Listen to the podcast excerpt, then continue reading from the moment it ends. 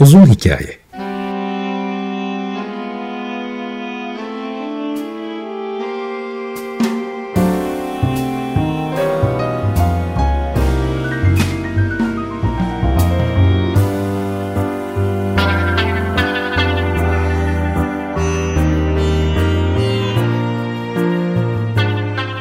Hazırlayan ve sunan Muzaffer Çorlu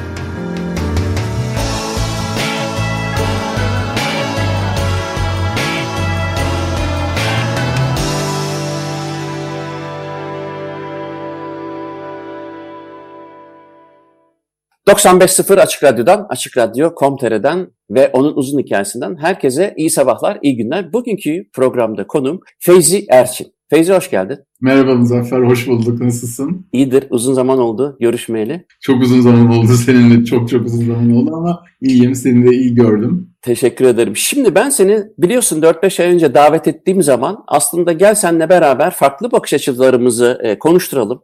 E, bir görsel malzeme üzerine işitsel malzemenin yani film müzik ilişkisini konuşalım. Sen Boğaziçi Üniversitesi'nde e, derslerinden bir tanesi de e, bu konuda olduğu için seni davet ettim. Fakat araya kaderin bir cilvesi e, Boğaziçi Üniversitesi'nde bir sürü e, olaylar oldu. Rektör atandı, kayyım oldu vesaire. Bir hukuk adamı da olarak aynı zamanda sen de bu işlerin tam da merkezine düştün. Dolayısıyla bugünkü programı e, üçe bölersek kabaca bunun bir tanesini de belki buna ayırırız. Beraber konuşuruz dilersen. Ama biz e, ilk davet ettiğimdeki gibi birinci konuya geçelim. Önce şimdi sen e, bu motivasyona neden sahipsin? Neden e, film müzikleri üzerine e, araştırmalar yapıyorsun ve bunun bu konuda ders verecek kadar derinleştiğini söylediğine göre önce senin motivasyonunu öğreneyim. Sonra benim motivasyonumla birleştirip yeni şeyler çıkayım. tamam çok güzel bir giriş yaptın. Teşekkür ederim. Ee, ve çok güzel bir noktadan başladın. Çünkü motivasyonumu anlatmak isterim. Ee, motivasyonum şöyle gelişti. 2013 yılında e, biraz böyle e, Boğaziçi Üniversitesi'ndeki seçmeli ders veren hocalarla ilgili yurt dışına gitmeleriyle bağlantılı olarak bir eksiklik, bir ihtiyaç ortaya çıkınca bana e, işte hem Andante'de yayın kurulunda olduğumu biliyorlar hem İKSV Müzik Festivali'nde de danışma kurulunda olduğumu biliyorlar. Bana bir bir e, teklif yaparak e, ders vermek isteyip istemeyeceğimi sordular. E, ben de isteyeceğimi denemek istediğimi söyledim ama hakikaten çok korkarak aslında söyledim. Çünkü ders vermek sen de biliyorsun başka bir mecra ve e, hani kolay kolay da adapte olmak illa şart değil diye ve ilk vereceğim ders içinde Alman romantizmi konusunu seçtim. Senin de hemen e, neden seçtiğimi tahmin edebileceğin, daha bilgili hissettiğim. Fakat iki dönem boyunca verdiğim bu ders beni bir açıdan tatmin etmedi. Sanki e, hani kendi sevdiğim müziklerin neden sevilmesi gerektiğini anlatmaya çalışıyorum. Akademik olmaya başlayınca sıkıcı olmaya başlıyor. E, dinlemek zevkli ama hani tam üniversite e, için uygun bir fikir gibi gelmedi. İlk sene daha bitmeden e, acaba kendimi de zorlayacak, biraz da böyle ders olarak yaratabileceğim ne olabilir? Katma değer yaratabileceğim kendime de, üniversitede de, öğrencilere de diye düşününce e, sinemada klasik müzik kavramı olarak aklıma geldi. E, çok kitap sipariş ettim. O yaz e, bayağı okunabilecek film müziği üzerine çok kitap okudum ve şunu fark ettim bir de. Sinemada klasik müzik üzerine aslında bir teori, yazılmış bir kitap neredeyse yok. yok. E, film müziği var. Film müziğinin değişik katmanları var. Teknik olan kısmı var. Tarihi var. Mesela tarih üzerine çok böyle 3-4 tane bayağı bilinen iyi yayın evlerinin kitapları var. İçinde biraz akımlar, biraz tarzlar bir şeylerden bahsediyorlar ama sinemada klasik müzik 2-3 e, konu hariç ki bunlar mesela Bergman'ın müzikleri, Tarkovski'nin müzikleri, Hollywood'un ilk dönemlerindeki klasik müzik kullanımı haricinde bir de sana e, opera ve sinema üzerine yazılmış e, bir kitap var. Bunlar hep böyle çok ilgililerin kendi konu başlıkları olarak seçip yazdıkları şeyler. Bunun için hiç kimse bir şey yazmamış. Dolayısıyla ben bu dersi sıfırdan kendi ilgi alanım olarak yaratabilirim. Bir syllabus ortaya çıkartabilirim. E, ve bu bana ait bir şey olabilir ve bunu geliştirebilirim hem öğrenciler için hem de üniversite için de anlamı olabilir diye düşündüm. Bunu yapabileceğime inanmamın sebebi klasik müziğe hobinin ötesinde diyebileceğim. Sen onu zaten biliyorsun çünkü senin için de öyle. Yani müzik bizim için bir yaşam tarzı ve bir ifade biçimi. Hani bunu ne kadar profesyonel yaptın yapmadın ayrı bir şey ama yani müzik başka bir noktada benim için hayatımda ve hep öyle oldu. Dolayısıyla onu e, zaten apayrı bir yere koyuyorum. Bunun yanında ama sinema o kuvvetli bir hobi. Yani müzikteki konservatuvara gitmemiş dahi olsam e, haşır neşir olmam, okuduklarım, öğrenmeye çalıştıklarım, e, 12 yaşından beri piyano dersi hala alıyor olmam, hala haftada bir derse gidip her gün bir saat e, piyano çalışıyor olmam. Bunlar ayrı ama sinema çok kuvvetli bir hobi. Üniversite yıllarından beri beni biraz şekillendiren, karakterimi oturmasını ve nereye gittiğime sebep olan aslında seçtiğim, seyrettiğim yönetmenler, filmler ki bunların çoğu da üniversite yıllarında olduğu için o yılları ve üniversitede ders vermeye de ayrıca değer veriyorum. Burada böyle sinemayla müziği birleştirebilirim gibi geldi. Sinemanın Avrupa sanat sineması diye böyle biraz hani herkesin sevmediği bir tabir olacak ama e, bilinen repertuarı ile müziğin de klasik müzik repertuarını birleştirerek bir ders vermeye başladım. Ben sevdim, öğrenciler sevdi, üniversite sevdi ve o ders bugün bir dersten dört derse çıktı konu olarak ama başlangıç motivasyonum böyle. Şimdi gel istersen izin ver bana ben hemen şöyle başlayayım. Şimdi klasik müzik e, benim filmlerde tehlikeli bulduğum e, bir durum. Çünkü klasik müzik diye tabir edelim. Ona klasik müzik diyelim aslında. Yani hani klasik müzik deyince akla böyle Beethoven'dan, Schubert'ler falan geliyor ama hadi diyelim ki e, klasik müzik diye genel olarak bilinen müzikten bahsedelim. Biz de o terminolojiyi bir düzeltelim. Şimdi klasik müziğin şöyle bir tehlikesi oluyor. Aslında bu da bir güç de. Kendine has zaten bir e, e, fikre sahip o müzik. Bunu mesela bazı film müzisyenleri, e, e daha doğrusu e, film e, bestecileri, soundtrack bestecileri, mesela Hans Zimmer olabilir ya da işte John Williams olabilir mesela. Onlar kendi orijinal besteleriyle birlikte bir de şeyi kullanıyorlar mesela. Bazı klasik müzik motiflerini kullanıyorlar. Onlara göre o motif neyi hissettiriyorsa görseldeki kişiyi de onunla asosiye etmek için. Örneğin işte Hans Zimmer ne yaptı? Hannibal'da işte Bach'ın Goldberg varyasyonlarını kullandı. Niye? Daha bir wise, daha bir akıllı ve yaptığını bilen, işini bilen bir adam imajını çizmek için kendi bestesinden ziyade Bach'ın Goldberg varyasyonlarının aryasını kullandı. Evet bu zaman zaman çok iyi olabiliyor. Fakat şu tehlikeyi nasıl görürsün? Daha doğrusu benim tehlikeli bulduğum şeye nasıl bakarsın? O da şu. Dediğim gibi her müziğin kendine özgü hem objektif hem de dinleyen kişinin de e, algılamaları sebebiyle zaten bir bilgiye e, o soyut bilgiye sahip. E, o, içeriyor o bilgiyi. Şimdi filmde bunu koyduğunuz zaman e, benim o müzikle ilgili fikirlerim ve duygularımla gör, görselde gördüğüm filmdeki duygular ve benim algılamalarım çakışıyor çoğu defa. Dolayısıyla klasik müzik kullanıldığında bunu seçenler e, buna dikkat ediyorlar mı sence? E, iyi veya kötü örneklerinden bahsederek belki bu konuyu aç, aç, açarak başlayabiliriz. Bu tam olarak derslerde de e, anlatmaya, anlamaya, tartışmaya çalıştığımız e, bir nokta oluyor. Ben tabii ki daha ziyade iyi örneklerini e, sunmaya çalışıyorum ama kötü örneklere de yeri geldikçe değiniyoruz. E, fakat e, ana fikir olarak zaten klasik müzik kullanımında çıkış noktası şu oluyor. Bu müziğin kendine has bir hikayesi olabilir. Bir hikayesi yoksa da çok belirli bir döneme, bir türe ait. Dolayısıyla belli bir e, refere ettiği, e, gösterdiği, e, işaret ettiği e, bir kurgu, bir yöntem, bir kültür, bir birikim hiçbir anlamı olmasa dahi sadece e, kendi birikimi, onun geçmişteki kullanımlarından birikmiş olan e, birikimi olabilir. E, mesela işte Beethoven 9. senfonisi kendi hikayesi de var. Zaten kullanım yüzünden gittiği başka bir yer de var. Dolayısıyla sinemada müzik kullanıldığı zaman o hikaye, anlam, birikim yüzünden mi kullanılıyor? Yoksa sadece yönetmenin istediği duyguyu daha güçlü bir şekilde verebilecek ve belki de günümüzdeki bir film müziği bestecisinin başaramayacağı kadar yüksek e, kalitede, statüde bir müzik olduğu için mi kullanılıyor?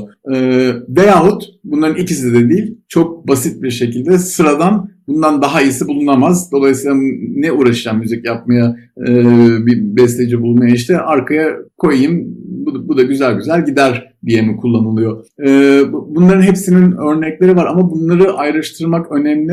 E, bu ayrıştırmayı yaparken senin tehlikeli bulduğun yere ben de katılıyorum. Öyle eserler var ki artık kullanıldığı noktada bilinçsizce kullanılıyorsa çok tehlikeli bir yere gidebiliyor. Çünkü arkasındaki birikim ve hikaye yüzünden o maksatla kullanılmamış dahi olsa yönetmenin yaratmaya çalıştığı anlamı değiştiriyor. Ve o değişim bizi ya eserle ilgili o yönetmenin hiç düşünmediği bir şeyi düşünmeye zorluyor ve e, ya da kabul edeceğiz ki yönetmen bunu öylesine kullanmış. Dolayısıyla e, hani ne yapalım? Yani o ikileme bizi sokmuş oluyor. Bu, bu, bunların hepsinin örnekleri e, var. Benim neredeyse tüm derslerimde verdiğim şöyle bir e, hikaye var. Sinemada klasik müzik niye böyle bir ders açıyorum deyince bunun tarihsel kökenine gittiğim zaman şunu hep hatırlatmaya çalışıyorum. Sessiz sinema döneminde filmlere müzik yapılırken evet kafasına göre iyi müzisyenler piyanonun orgun başına geçip müzik yapıp güzel müzikler de yapabiliyorlardı. Ama bunlar çok fazla değildi belki de.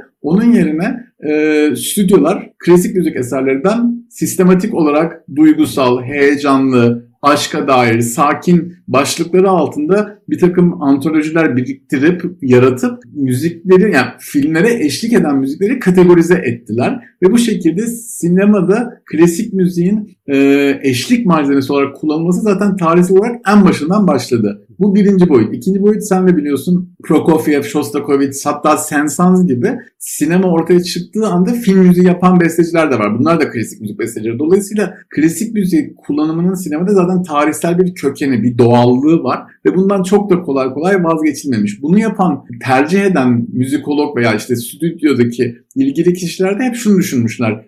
Yüzyıllar boyunca dünyanın en güzel müzikleri bestelenmiş. Biz niye bunları kullanmayalım ki? Niye başkasına müzik yaptığına? Böyle bir e, çok dogmatik bir e, fikir var. Sanki o şekilde eskiden yapılan müzikler kullanılınca her duyguya uygun bir müzik zaten var gibi. Bunun en güzel örneği sen de biliyorsundur.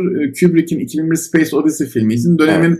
en iyi film müziği bestecen Alex North'la anlaşıyor. Stüdyo kontrat yapıyor. Alex North müzikler besteliyor. Yani bir yere kadar gidiyor gidiyor ve en sonunda Kubrick onlar yerine Evet. Kendi daha önce aklında olan müzikleri kullanıyor ve hepsi klasik müzik. Şimdi evet. orada Kubrick şunu demiş oluyor. Şu anda dünyada yaşayan en iyi film müziği bestelerinden bir tanesi benim emrimde, stüdyonun emrinde kontratımız var. Parasını aldı, müzikleri besteledi. Ama ben şu sahnede Spartaküs'ün Gayane balesindeki şu Adagio'yu kullanmak istiyorum. Ondan daha iyisi yok diyor. Ya bu mesela çok e, acayip bir düşünce. E, senin de mesela bununla ilgili fikrini merak ediyorum. Çünkü klasik müzikte hakikaten de böyle anlar var. Daha iyisi yok diyebileceğimiz anlar var. Benim bu söylediğine e, destek olacak fikrim şu. E, ben de e, biliyorsun psikoakustik üzerine uğraştığım için doktoram da o alanda ama e, o konularda son zamanlarda çok yazıyorum. E, ben hatta film müziklerini kime dayandırıyorum? Yani ilk film müziği bestecisini kim olarak görürüm? Wagner. Her ne kadar Wagner'in haberi olmasa bile e, bu, bu durumdan e, ben yine de ona dayandırıyorum. Çünkü Wagner zaten film müziğiyle ilgili özellikle Kubrick'te olabilir, John Williams'ın bir sürü esinlenmeleri olabilir. Zaten o hani tırnak içindeki ne, ne, ne diyelim ona e, gezem Kunstwerk nedir? E, bütüncül e, sanatı neredeyse auditif olarak ortaya koyabilmiş bir besteci olduğu için ben e, onu ilk olarak görüyorum. Dolayısıyla Kubrick'in e, özellikle o Space Odyssey'de e, yaptığı e, şeyde yani filmlerde kullandığı klasik müziklerin e, tas tamam yerinde olduğunu düşünüyorum ama e, tabii ki gene de dediğim gibi Wagneryen e, bakış açısıyla John Williams'a kadar artık e, ateşi onun fitillediğini düşünüyor. Ondan önceki klasik müzikleri e, ben e, görsel uyarlamaya çok uygun bulamıyorum. Sadece motifler belki. E, tabii eğer konu ne bileyim Şimdi daha geçenlerde bir şey seyrettim Napolyon'la ilgili. Ha babam de babam Beethoven'ın 3. senfonisini arkada veriyorlar. Yani hani böyle kör gözün parmağını tamam tamam Beethoven'a yazdı şey onu Napolyon'a yazdı ama sonra sildi attı e, Napolyon'un daha diktatöryel tiranlaşmasından sonra falan filan ama e, şunu anlarım. Napolyon'un dönemiyle Beethoven'ın dönemini aynı düşünürsek ki öyle. O seslerle Beethoven'ın sesleriyle Napolyon'a bakmak bize e, en azından klasik müzik bilenler için, tanıyanlar için, sevenler için bir e, auditif e, çağ da veriyor. Onu anlarım ama sürekli o kullanıldığı zaman birazcık şey oluyor. Ya da Amadeus filminde elbette ki Mozart'ın film müzikleri kullanılacak filmde. Ama benim için çok tehlikeli bir alan. İyi örnekleri Kubrick'te olduğu gibi bir iki tane daha var. Ama benim çok korktuğum bir alan ve e, filmden de çok kopartan bir alan. Benim bakış açım aşağı yukarı bu. Ama iyi örnekleri var mı? E, çok, çok var. Ama bir o kadar da kötü örnekleri var. Yani böyle olur olmaz yere ne bileyim hadi burada Tchaikovsky'nin şusunu koyalım falan. Böyle yani ne alakası var şimdi? Kitabı okurken kitabın arasında şey e, bilmem ne kahvesi reklamı gibi geliyor bana. Çünkü e, üst üste koyamıyorum. Bilmiyorum e, sert ve radikal mi bakıyorum ama böyle düşünüyorum. Ee, yüzde yüz katılıyorum. Ee, verdiğin kötü örnekleri daha da çoğaltabiliriz ama belki iyi örnekler üzerinden gitmek de evet. mümkün. Mesela senin e, verdiğin kötü örneğe benzer hemen beni çok büyüleyen iyi bir örnek vereyim. Tam böyle otör sineması sevenler için hani otör sineması gücünü gösteren bir örnek. Ee, yine Kubrick'in Barry Lyndon filmi. Şimdi Barry Lyndon filminde mesela çok ilginç bir şekilde tam dönem müziklerini kullandığı çok sahne var. Tam senin dediğini yapmak istiyor ve çok bilinçli bir şekilde. İkinci Frederick'in müziklerini kullanıyor. Böyle biraz savaş içerikli, marş içerikli yerlerde kullanıyor. E, Paisiello kullanıyor, Mozart kullanıyor. Tam onlar böyle doğru ama sonra mesela birden Schubert kullanıyor. Ama Schubert'i hikayeyi desteklemek için değil, anlattığı filmi segmentlere bölmek için kullanıyor. Ve orada mesela diyor ki büyük bir ihtimalle Kubrick ben burada dönemsel olarak doğrucu olmak zorunda değilim. Bu anda doğrucu olmak zorunda değilim diye düşünüyor. Bunu ancak Kubrick bu kadar ustaca yapabiliyor. Onun dışında senin söylemiş olduğuna katılıyorum. Orada e, Napolyon'la e, Eroika'nın bağdaştırılması bile çok e, kolaycı olmakla e, birlikte yani bu çok sık yapılan bir şey. Nasıl olsa bu müziklerde bir arkaik yan var. O yüzden eski müziği eski bir şekilde kullanalım gibi. Ee, daha karmaşık örneklerinden birisi bilmiyorum. Sen sevdiğin veya bildiğin filmlerden bir tanesi ise belki bana da fikir verebilirsin. Bugüne kadar hiç cevabını bulamadım. Ee, John Boorman'ın Excalibur filmi. Hı. Bütün filmi Wagner döşemiş ve Wagner'in zaten kendinden leitmotifik anlamı olan fikirlerini filmin içinde tekrarlayarak kullanıyor. Ama yerine göre Tristan ve Isolde'den almış. Yerine göre Siegfried hmm. Motifini almış. Mesela o iyice çorba yapmış. O böyle beni tam aslında delirtiyor. Ee, şimdi kötü örnekler böyle biraz daha zor aklıma gelmekle birlikte veya e, hangisiydi o James Bond'lardan e, bir tanesi İsviçre'de şeyde geçen e, festivalde e, Bregenz Festivali'nde geçen arka planda Tosca var. Şimdi ön planda hani güzel politik e, bir cinayet modeli varken arka planda Tosca'nın e, performansını koymuşlar. Ya zor değil. Evet bir bağ var mı? Var. Ee, orada da bir politik cinayet ve e, bir şeyler tasarlanıyor. Ama tabii ki çok loose ve çok kolay. Biz bunu yine de işte hani daha sofistike neresinden bakabiliriz? Sahnelenen e, falan sahneleme üzerinden giderek ben bir şeyler tartışmaya çalışıyordum ama kötü örnekleri görmek çok kolay oluyor. Haklısın benimle. Ben bir de şeyleri bu katman katman yapılan işler var. Şimdi sadece klasik müzik değil ama klasik müzik kullanarak üzerine başka katmanlar yapan var. Ben sanıyorum iki tane film geldi hemen aklıma. Bunlardan bir tanesi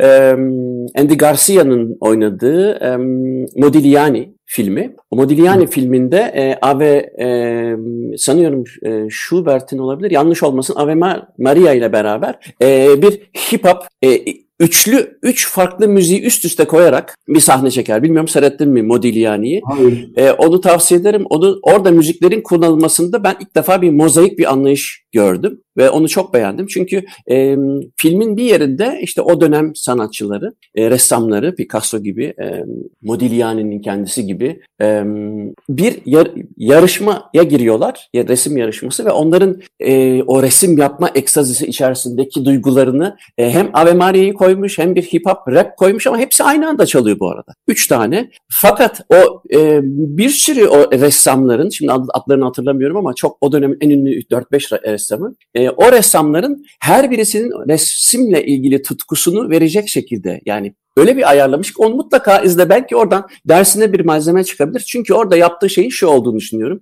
Bir tutku var onu Ave Maria ile vermiş. Bir çılgınlık var işte onu bir hip hop e, ritmiyle vermiş. Bir böyle daha işte, dingin bakan bir tarafı var işin oraya bir Miles Davis ama dediğim gibi bunlar aynı anda. Hani biri bitiyor biri başlamıyor. Ben şimdiye kadar hiçbir zaman aynı anda birden fazla müziğin aynı anda çaldığı uzun bir sahne görmemiştim. O hoşuma gitti. İkinci örnekte senin de yine fikirlerini merak ediyorum bu konuda. Untouchables'ta hatırlarsan Robert De Niro seyrettin mi bilmiyorum. Untouchables filminde de Robert De Niro işte o e, e, şeyi öldürtür, Sean Connery'i, filmdeki karakteri oynayan Sean Connery'i ve o sırada da opera seyretmektedir, palyaçoyu seyretmektedir ve bir yandan sevinir, e, azılı polisi öldürttüğü için bir yandan da ağlar. Gö- yüzleri e, yüzü gülüyordur ama gözünden de yaş düşer ve tam da o sırada da palyaço da öyle bir figürdür. O ikisini gene iki farklı müzikle e, vermiştir yönetmen. Dolayısıyla ben bunları hani müziği birazcık şeyce kullanan, böyle cunning, e, kurnazca kullanan bir şey olarak görüyorum. E, örnekler olarak görüyorum. Katılır mısın? Ya da bunlar daha da çoğaltılabilir? E, çoğaltılabilir. Katılıyorum da şimdi ilk verdiğin örneği izlemediğim için söyleyemedim. Onunla ilgili bir şey ama muhakkak izleyeceğim modül yani. İkincisinde e,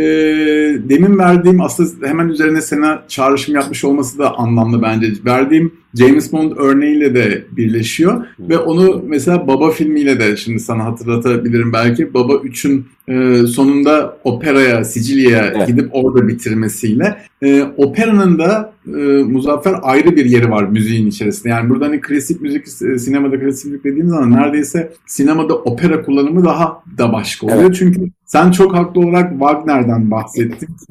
Benzetmene tamamen katılıyorum. E, ilk film müziği bestecisi olarak. Özellikle de hakikaten ilk film müziği bestecileri mesela işte Fritz Lang, Metropolis'in müziklerinin yapıldığı o dönemde her şey Wagner yani. Yani zaten o müzikleri yapanlar Wagner yani bir şekilde gidiyorlar. Enstrüman seçimine, seçimine kadar yani. Öyle evet.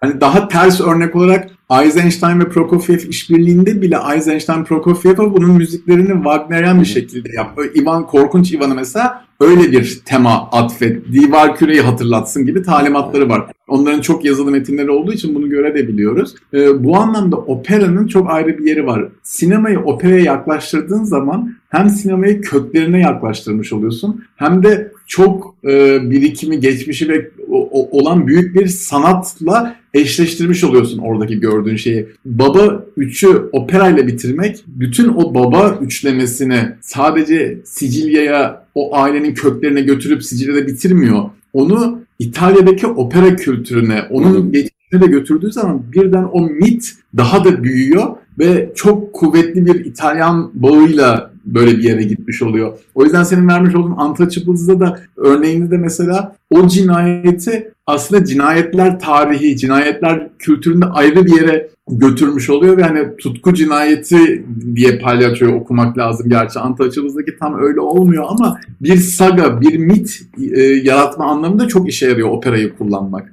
e, o yüzden böyle hem örnekleri çoğaltabiliriz hem de senin dediğine kesinlikle katılıyorum. Peki şimdi benim e, bu uzun hikaye programında ve daha öncesinde de e, bu programda biliyorsun film, bilim, müzik ve olmazsa olmaz sosyal politika şemsiyesi içerisinde programlar yapıyorum ve kendi alanım olan da bu psikoakustiğe çok giriyorum. Özellikle görsel ve işitsel algının birbirleriyle e, nasıl bir sinestezi e, oluşturduğunu çok konuşuyorum. E, bunlardan ötürü de benim daha çok örnek verdiğim bu bağlamda yani işin biraz neuroscience yani sinir bilim biraz da e, müzik ortaklığı olan psikoakustik bağlamında baktığımda ben Tarantino'yu ve Coen kardeşlerin müzik seçimlerini e, filmatik açıdan başarılı buluyorum. Fi, yani yaptığı filmleri gördüğüm zaman, filmleri seyrettiğim zaman hep böyle hani şey notu kıt öğretmen olduğumu düşün. Hep 8 ve üzeri not veriyorum müzik seçimlerinde. Onun da sebebi e, sahneyle, sahneden e, Bazen sahne biliyorsun bir sahne ne bileyim işte o rezervuar köpeklerinde olduğu gibi e, adam jiletle doğurar ama fonda öyle bir müzik vardır ki e, insanlar tempo tutar. Bunu da hep örnek veririm bu örneği ama bunun gibi yüzlerce örnek var. Fakat orada e, maalesef en tembel e, algılarımızdan biri olan görsel e, algı e, bize verileni e, almak ister ama işitsel algı biraz daha interaktif olduğu için sana görsel algıyla ilgili bazı ipuçları verir, düzeltmeler yapar, sana bir filtreden geçirir. Buna katılır mısın?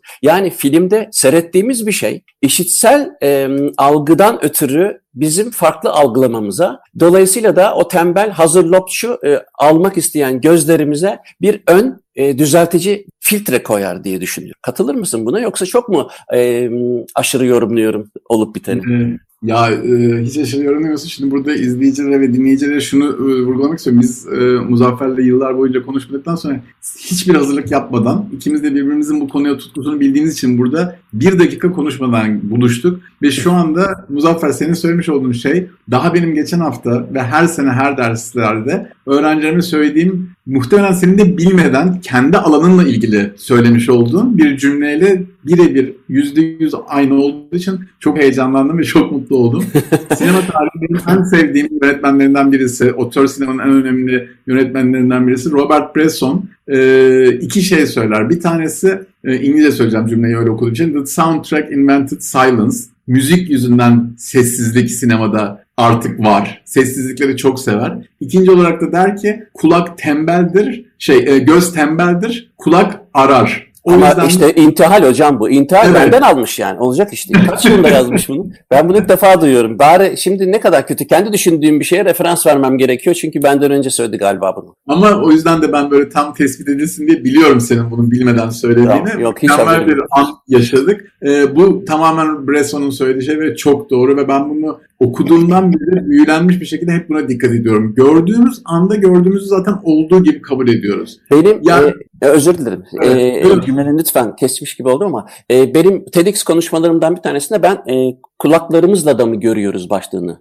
e, koymuştum. Çünkü bunun e, tabii Başkaları hangi motivasyonla bunu söyledi bilemiyorum. Anlıyorum ama benim bakış açımda bunun sinir bilimsel bir tarafı var. Bizim yaptığımız testlerde de e, bir görsel uyarının, uyaranın e, senin üzerindeki film bağlamında söylüyorum etkisiyle işitsel uyaran arasında bir e, zamansal fark var. Mesela 400 milisaniyede bir müziğin e, üzerinde anlaşılmış olsun ya da olmasın o duygunun karşı tarafa konvey etmesi yani aktarılması için gereken zaman 400 milisaniye. Şimdi bundan yararlanmamak e, bir yönetmen için büyük bir talihsizlik olurdu. Çünkü e, hiçbir şey görmüyorsun. Gördüğün şey bambaşka ama sana gönderdiği işitsel malzemeyle 400 milisaniyede seni bir şeye hazırlamış oluyor. Bir duyguyu hazırlamış oluyor ve bunun yapılan çalışmalarda Cameron'da bizim e, Tom Fritz yaptı bunu Leibniz'deki şeyde e, Max Planck Brain Institute'ten araştırmasını. Biz de burada Gent'te yaptık ve bu cross cultural bir durum e, şeye sahip. Yani e, kültürler arasında bir e,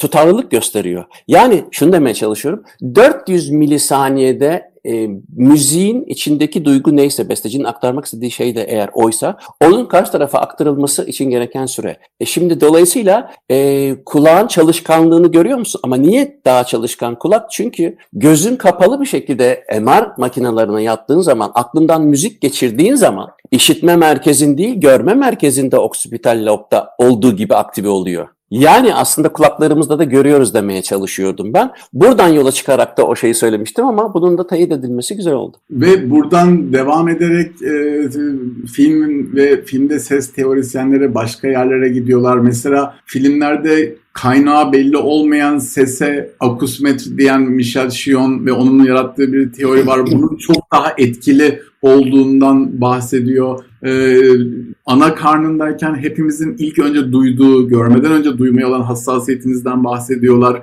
Bunlar da muhakkak senin de düşünmüş olduğun şeylerdir ama gerçek hayatta olduğu gibi yan odadan gelen bir sesin ne olduğundan hiçbir zaman %100 emin olmadığımız için hep düşünmek zorundayız. Bu ses neydi? Bir şey mi düştü? Birisi mi seslendi gibi ama gördüğümüzde bunu hiç düşünmemize gerek olmuyor. Onu öyle kabul ediyoruz. O yüzden e, duymakla ilgili yaratılabilecek olan e, ek anlam, katman ve izleyicinin katkısı görmeye göre çok daha fazla ki izleyicinin katkısı filme geçtiği zaman tabii ki e, sanat eseri de çok değer kazanmış oluyor. E, o yüzden de bana çok e, önemli geliyor. Son bir şey daha ekleyeyim burada hani senin de fikirlerini almak için. Bir de şunu söylüyorlar yine bazı teorisyenler. Filmi nerede olursa olsun bir iki boyutlu ekran, perde, bilgisayar ekranı neyse öyle bir yerde görmek ve onun içerisindeki dünyaya inanmak zorundayız. Ama filmin sesi içinde bulunduğumuz ortamı tamamen dolduruyor. Yani ben bir odada izlediğim zaman buradaki bütün her yerde o filmin sesi var. Ama filmin görüntüsü sadece karşındaki ekranda. Bu da böyle sesle ilişkimizi, sesin doğrudan bize evet.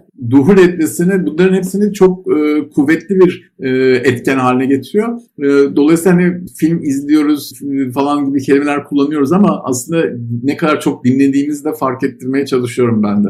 Evet, film filmleri e, dinlememize yol açıyor, duymamıza yol açıyor. Şimdi e, şeye de e, gelmek istiyorum. Bu film müziklerinde e, ya da soundtrack genel genel, olarak orijinal e, besteler giderek e, arttı. Özellikle işte 80'lerden sonra. Fakat e, orada da bir kiçlik, bir pop yani bir pop popüler olma için yapılan e, şimdi yüz binlerce müzik, e, filmde e, böyle artık herkesin kulağına pelesenk etsin, e, işte kulak kurdu olsun, herkes böyle ıslıkla çalabilsin. Dolayısıyla da müzik yoluyla filmi de e, popüler hale getirelim. Onun örnekleri herkes mutlaka biliyordur. Fakat bunların tabii iyileri de var. E, klasik müzikten bağımsız olanı söylüyorum. Dolayısıyla şeyi merak ediyorum. Senin daha çok ağırlıklı olarak klasik müzik filmlerde kullanımını hem ders olarak da anlatıyorsun ama onun dışında da e, ilgileniyor musun yoksa klasik müzikle mi e, sınırlıyorsun e, şeyini, ilgi alanı ee, filmlerde? Onun dışında e, ilgileniyorum. Hatta şöyle o sinemada klasik müzik dersinin malzemesi artınca ikiye bölüp sinemada klasik müzik genel ve otör sineması da klasik müzik diye bir ikiye böldüm. Dolayısıyla otör sinemasında klasik müzikte Haneke, Lars von Trier, Kubrick, Bergman, Tarkovski onların hepsini birer hafta ayırarak gittik. Sonra onun da malzemesi artık beni çok mutlu edince film müzik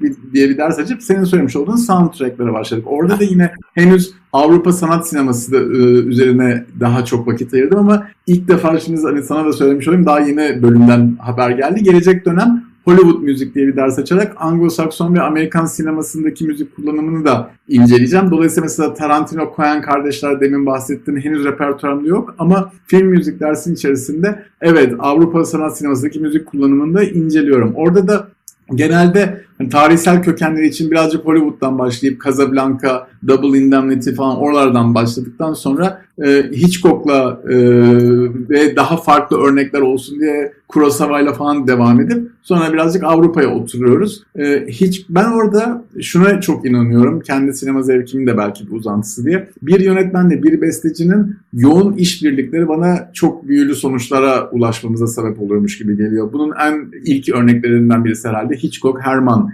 işbirliği. Ama daha böyle günümüze yaklaşırken e, hani Angelopoulos, e, Kieslowski, Greenaway'in e, Elena Karaindro, Preissner e, veya Michael Nyman'la yapmış oldukları işbirlikleri e, benim için böyle sanatsal zirveler gibi. Bir de bunun dışında tabii Nino Rota ya da Ennio Morricone gibi önemli, çok önemli ve iz bırakmış besteciler var. Onları çok seviyorum. Ama şu problemi e, hissedip de üzülüyorum. Hani sinema senin de demiş olduğun o binlerce örnekte o kadar çoğu stüdyo e, işi ki ve o stüdyo işlerinin içerisinde e, mesela işte Hans Zimmer, Hans Zimmer çok insan Hans Zimmer seviyor. Ben de hani kötü diyemem tabii ki yaptıklarını ama Hans Zimmer aslında tek başına Hans Zimmer oturup da bir beste ne kadarını yapıyor o eskilerle ilgili hiç emin değilim. Sonuçta bu bir takım işi ben eminim. Tanıyorum çünkü şeyi, e, çevresini. E, çok evet. ciddi bir takımın parçası. O zaten bir e, ona bir e, businessman demek evet. daha doğru. Evet. E, onlar beni daha az heyecanlandırıyor. Ben böyle biraz e, hani keşke Nino Rota ya da Ennio Morricone gibi birisi çıksa da hani böyle e, benim tarzım bu bu şekilde yapıyorum dese ve onu değişik yönetmenler uygulasturursa ya da bir yönetmenle çok kuvvetli bir bağ kurarak öyle ilişkiler olsa diye hayal ediyorum ama şu anda biraz sektörün gidişi ve içinde bulunduğumuz e, kapitalist koşulları buna izin vermiyor tabii ki. Ama senin söylemiş olduğun soundtrackler çok ilgimi çekiyor bu repertuarda. Şimdi Feyzi e, kalemini kağıdını çıkart abi sınavlara başlıyoruz. Şimdi birinci sorum şu. Bu bir sınav sorusu. Soru şu. Tom ve Jerry'yi bilirsin ve e, onun üzerinden gidelim. Bunlar birbirini hep kovalar ya. Daha doğrusu birbirini kovalamaz. Tom, Jerry, fare olan Jerry'di değil mi? Tom kedi. Evet. Tom Jerry'yi kovalıyor. Merdivenden yukarı çıkıyorlar ee, ve merdivenden yukarı çıkarken ki Tom ve Jerry'de biliyorsun ki e, inanılmaz bir klasik müzik kullanımı vardır ve de hatta nosyonu da vardır. Evet. E, merdivenden yukarı kovalarken e, çıkıcı bir kromatik gamla aşağı inerken de inici bir kromatik gamla e, bir match edilir, bir asosyasyon kurulur. Sorum şu, benim kendi cevabım var, sinir bilimsel ve müzikolojik açıdan ama senin e, film müzikleri perspektifinden nasıl değerlendireceğini düşünüyorum. Sorum yani, e, bu e, başarılı bir seçim mi?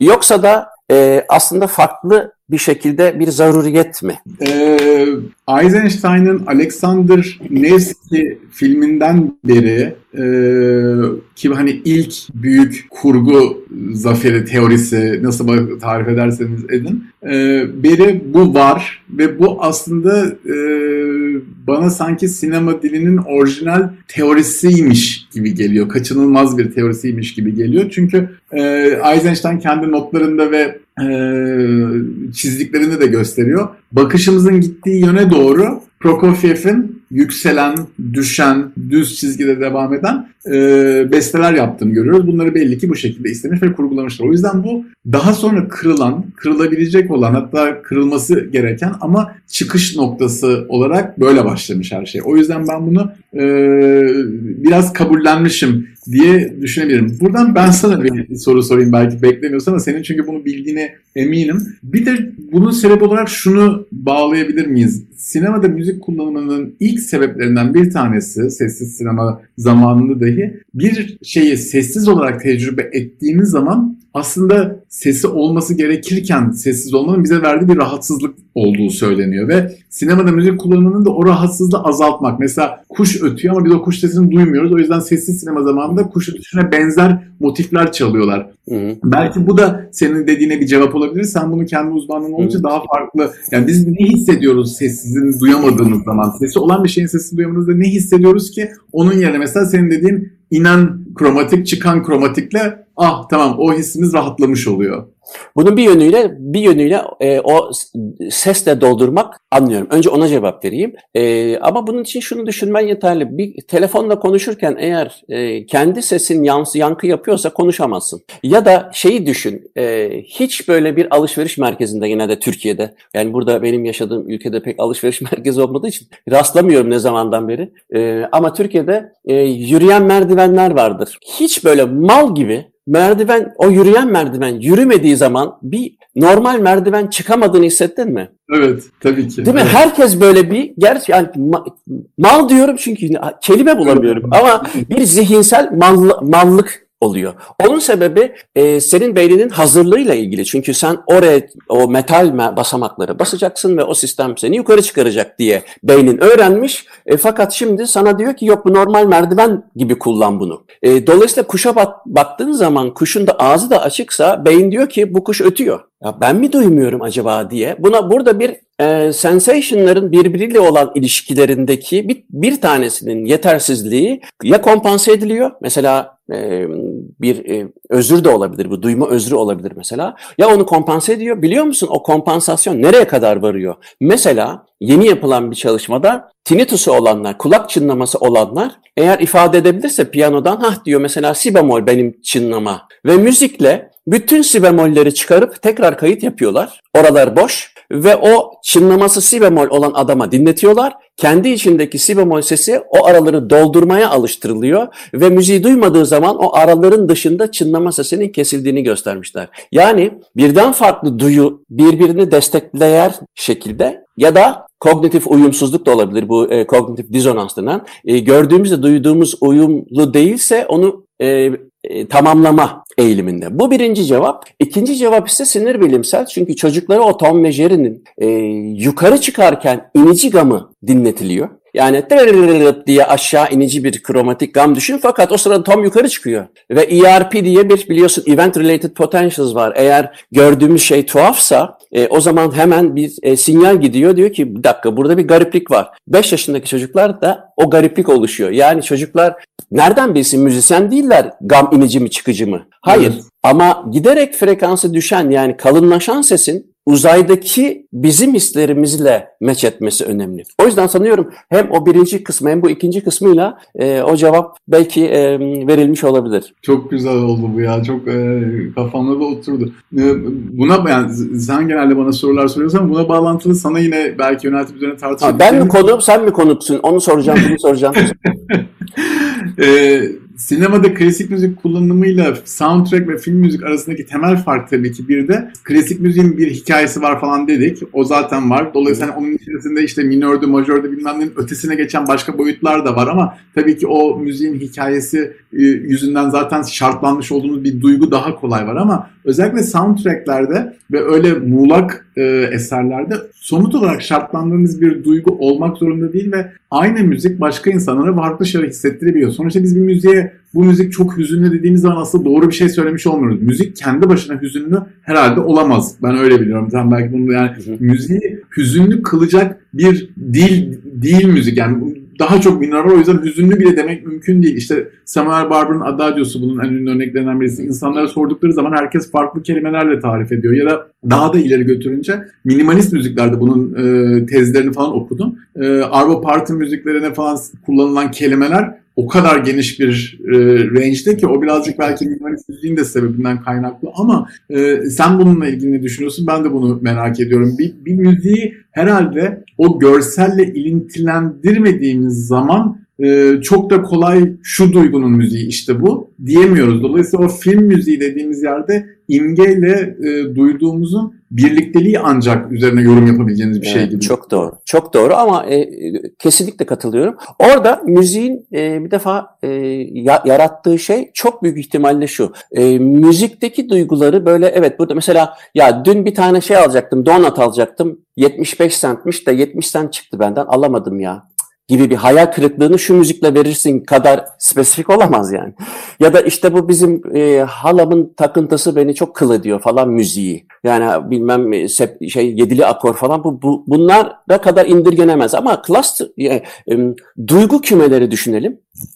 Duygu kümeleriyle ilgili bir e, çalışma var. Çok çalışma var. Tabii ki müziğin kendisi mi üzgündür, dinleyeni mi üzer konusunda bir üçüncü kapıyı açmamız lazım yoksa ikisi de yeterli değil. Müziğin kendisi tabii ki üzgün olamaz. Yani müziğe bakıp e, aa çok üzgün müzik hay Allah N- nasıl ne yapsam da üzülmese acaba diye bir şey olamayacağına göre. Ama mü- müziğin hüzünlü olması dinleyeni hüzünlü yapacağı anlamına da gelmez. Peki ne anlama geliyor o zaman? Bu ne, menen, ne menen bir şeydir. Kişi bu müziğin aktarmak istediği duyguyu üzüntülü ya da hüzünlü bulabilir kendisi hüzünlenici anlamına gelmiyor. Çünkü öyle olsa e, depresyonun tek tedavisi verirsin coşkuyu değil mi? En neşeli müzikler albümünden seçersin ve sen böyle at, atarsın göbekleri yani. Ama öyle bir öyle bir tarafı yok. Fakat duygu bağlamında bir e, müziğin örneğin herkes tarafından yine e, cross cultural olsun bu. E, evet bu müzik e, hüznü temsil ediyor.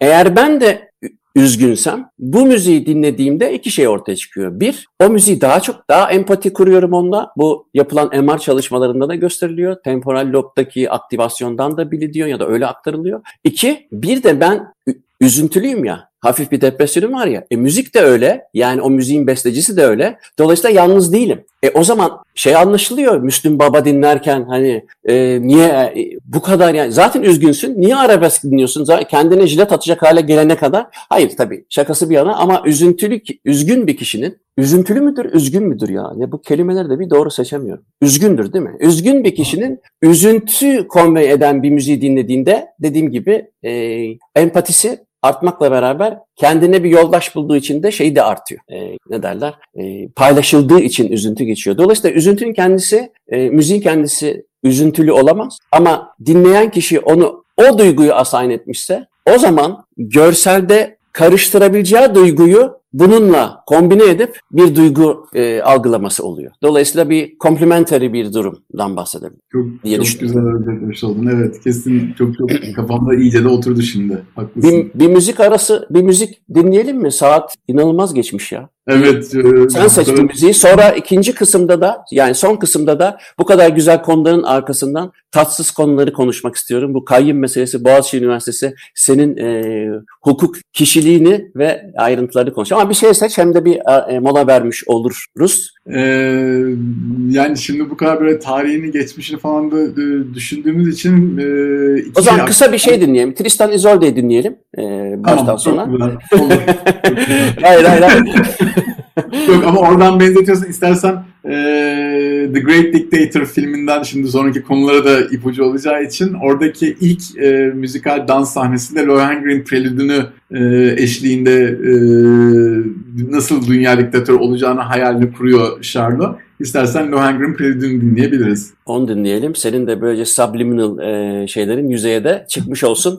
İkinci yarıda görüşürüz.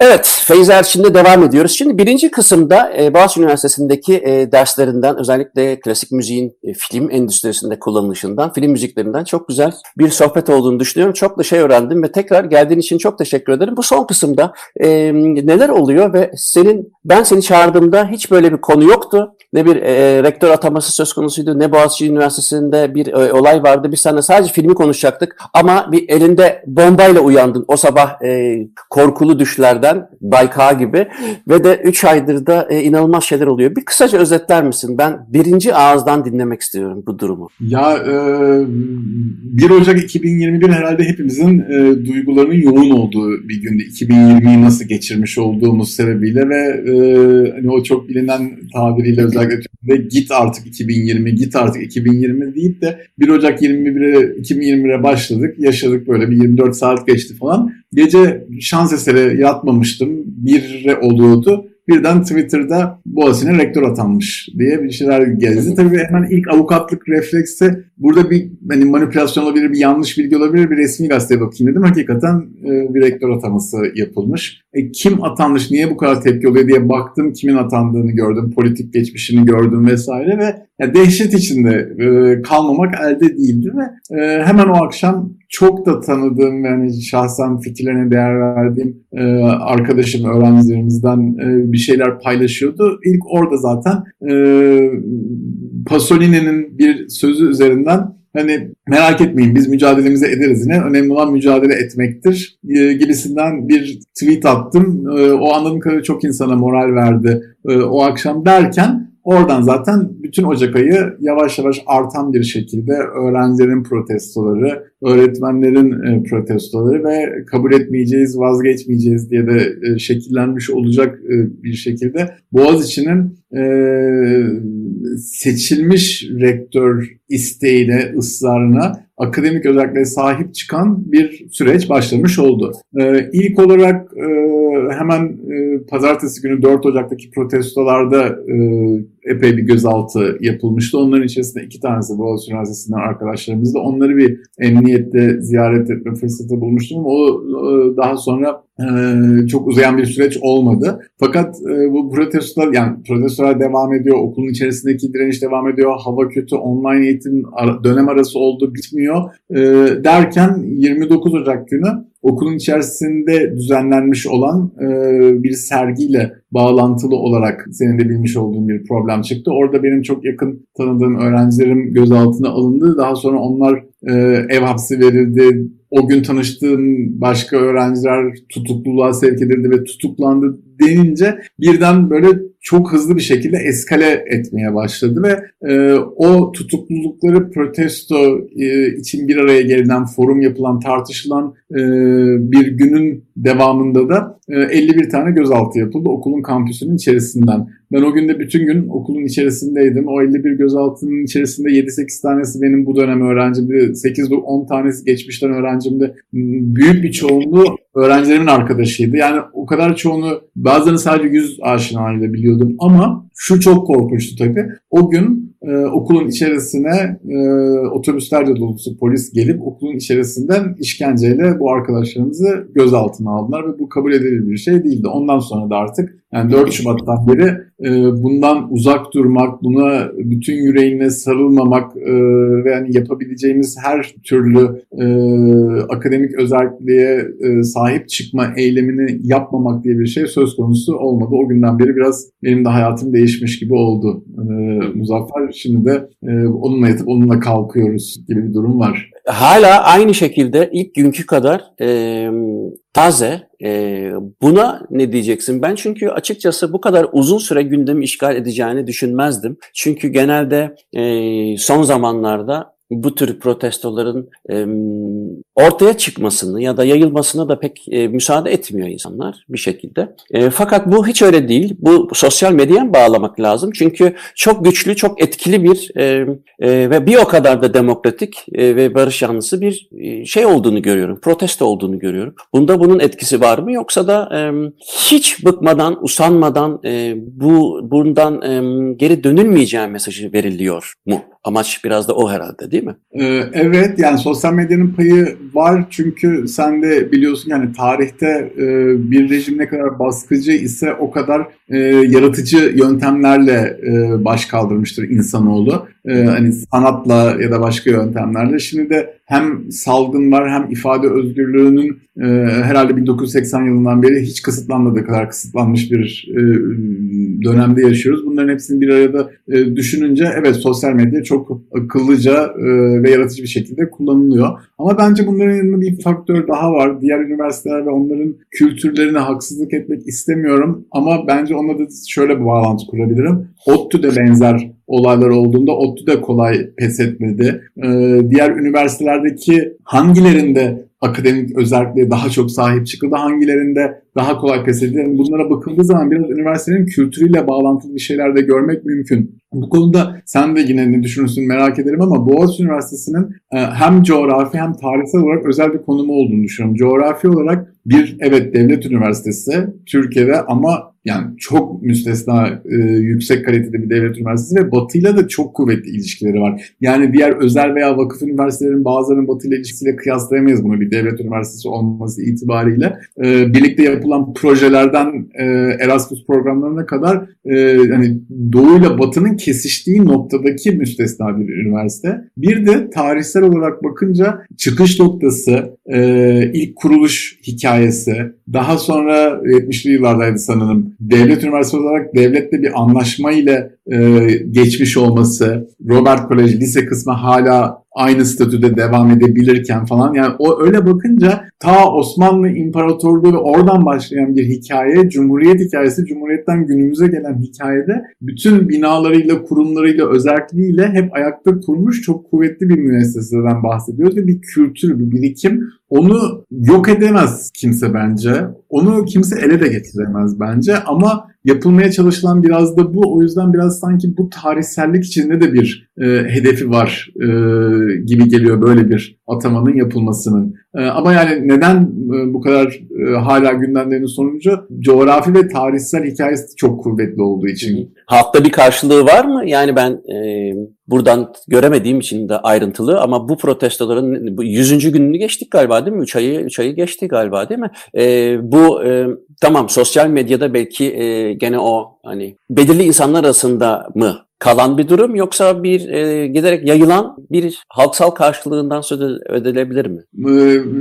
Türkiye'de herkesin birbirini anlattığı klasik hikayedir. Sen o yüzden bileceksin bunu ama hani bir, birden çok kişi böyle taksi şoförleriyle sohbet ettiğimiz zaman herkesin birbirine anlattığı şey hepsinin bizi desteklediği anladık ben ne zaman taksinin Boğaziçi Üniversitesi'ne gidiyorum desem ya abi ne olacak oradaki şeyler çok haklısınız biz de çok destekliyoruz diye söylüyorlar. Şakası bir yana yani şaka da değil aslında bunun içinde gerçeklik payı da var. Anladığım kadarıyla son kamuoyu yoklamalarından e, halkın desteği %67 falan gibi çok e, yüksek yani. Hmm, bir, çok noktada. Peki desteği şeye mi yani bu protestoların haklılığına Haklı inancı? Haklılığına evet protestoların haklılığına olan inancı evet. oranı benim okuduklarımda. Ee, bunu da önemli buluyorum çünkü Çok önemli. Havuz medyasının durumunu düşündüğün zaman hani herkes birbirinden artık iyice kopuk ve e, kamplaşmış durumdayken genel olarak halktaki böyle bir eğilimin olmasını da çok değerli ve anlamlı buluyorum. Yani sonuçta sahip çıkılmaya çalışılan değer e, demokratik bir değer, seçim hakkına dair bir değer, üniversitedeki akademik özgürlüğe ve özelliğe dair değer olduğu için de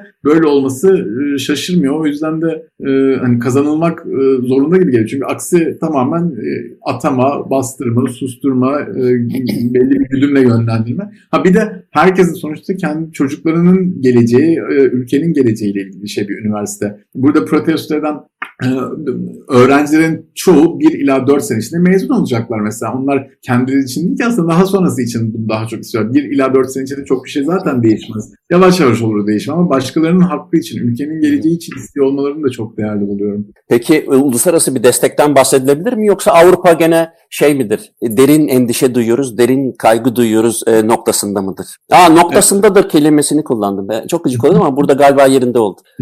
e, akademik çevreler hariç bence tam senin dediğin gibi. E, derin endişe... endişeliyiz tabii. Evet ama akademik çevrelerden muazzam bir destek var. E, o da Boğaziçi'nin çok özel bir üniversite olması ve çok üniversiteyle yurt dışında bağlarının kuvvetli olması yüzünden e, yabancı üniversitelerden gelen destek mesajları, bildiriler, e, duyurular onların hepsini e, saklanıyor. Bir arşiv yaratılıyor zaten. Orada çok çok büyük bir destek var. Ama standart akademik dünya. Çünkü standart standart Avrupalı'nın yani ben hem doğup büyüdüğüm için hem de gene 10 yıldır burada Belçika'da yaşadığım için standart bir Avrupalı'nın duyduğu derin endişeyi sana tasvir etmeye çalışayım. O endişenin indeksini şeyden düşük görebilirsin. Cabernet Sauvignon mu yoksa Merlot mu arasındaki e, gidip gelme çok daha derin endişe uyandırıyor yani. O açıdan e, nefis bir batı ikiyüzlülüğüyle e, karşı karşıya olduğumuz sen zaten bir hukuk insanı olarak çok iyi biliyorsun. Feyzi kötü bir haberim var. Süre bitti.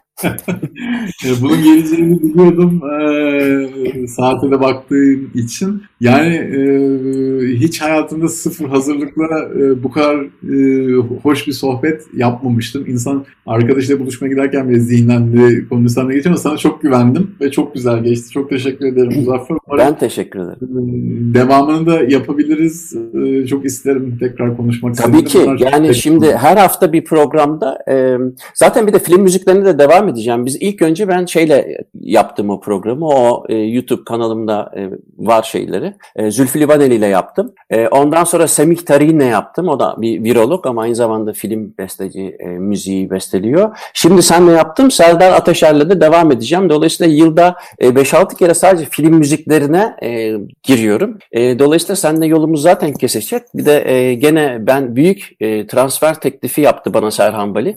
E, Andante'ye geri dönüyorum. Dolayısıyla e, senin oradaki koltuğuna da gözüm var. O yüzden e, o yüzden karşılaşacağız yine ve gene müzik bağlamında tekrar e, mutlaka konuşuruz. Geldiğin için çok teşekkür ederim.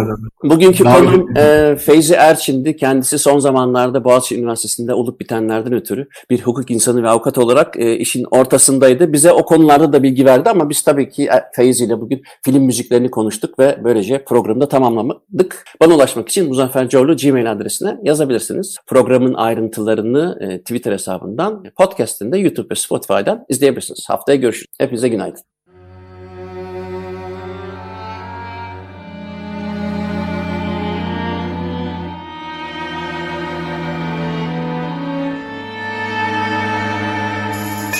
Uzun Hikaye.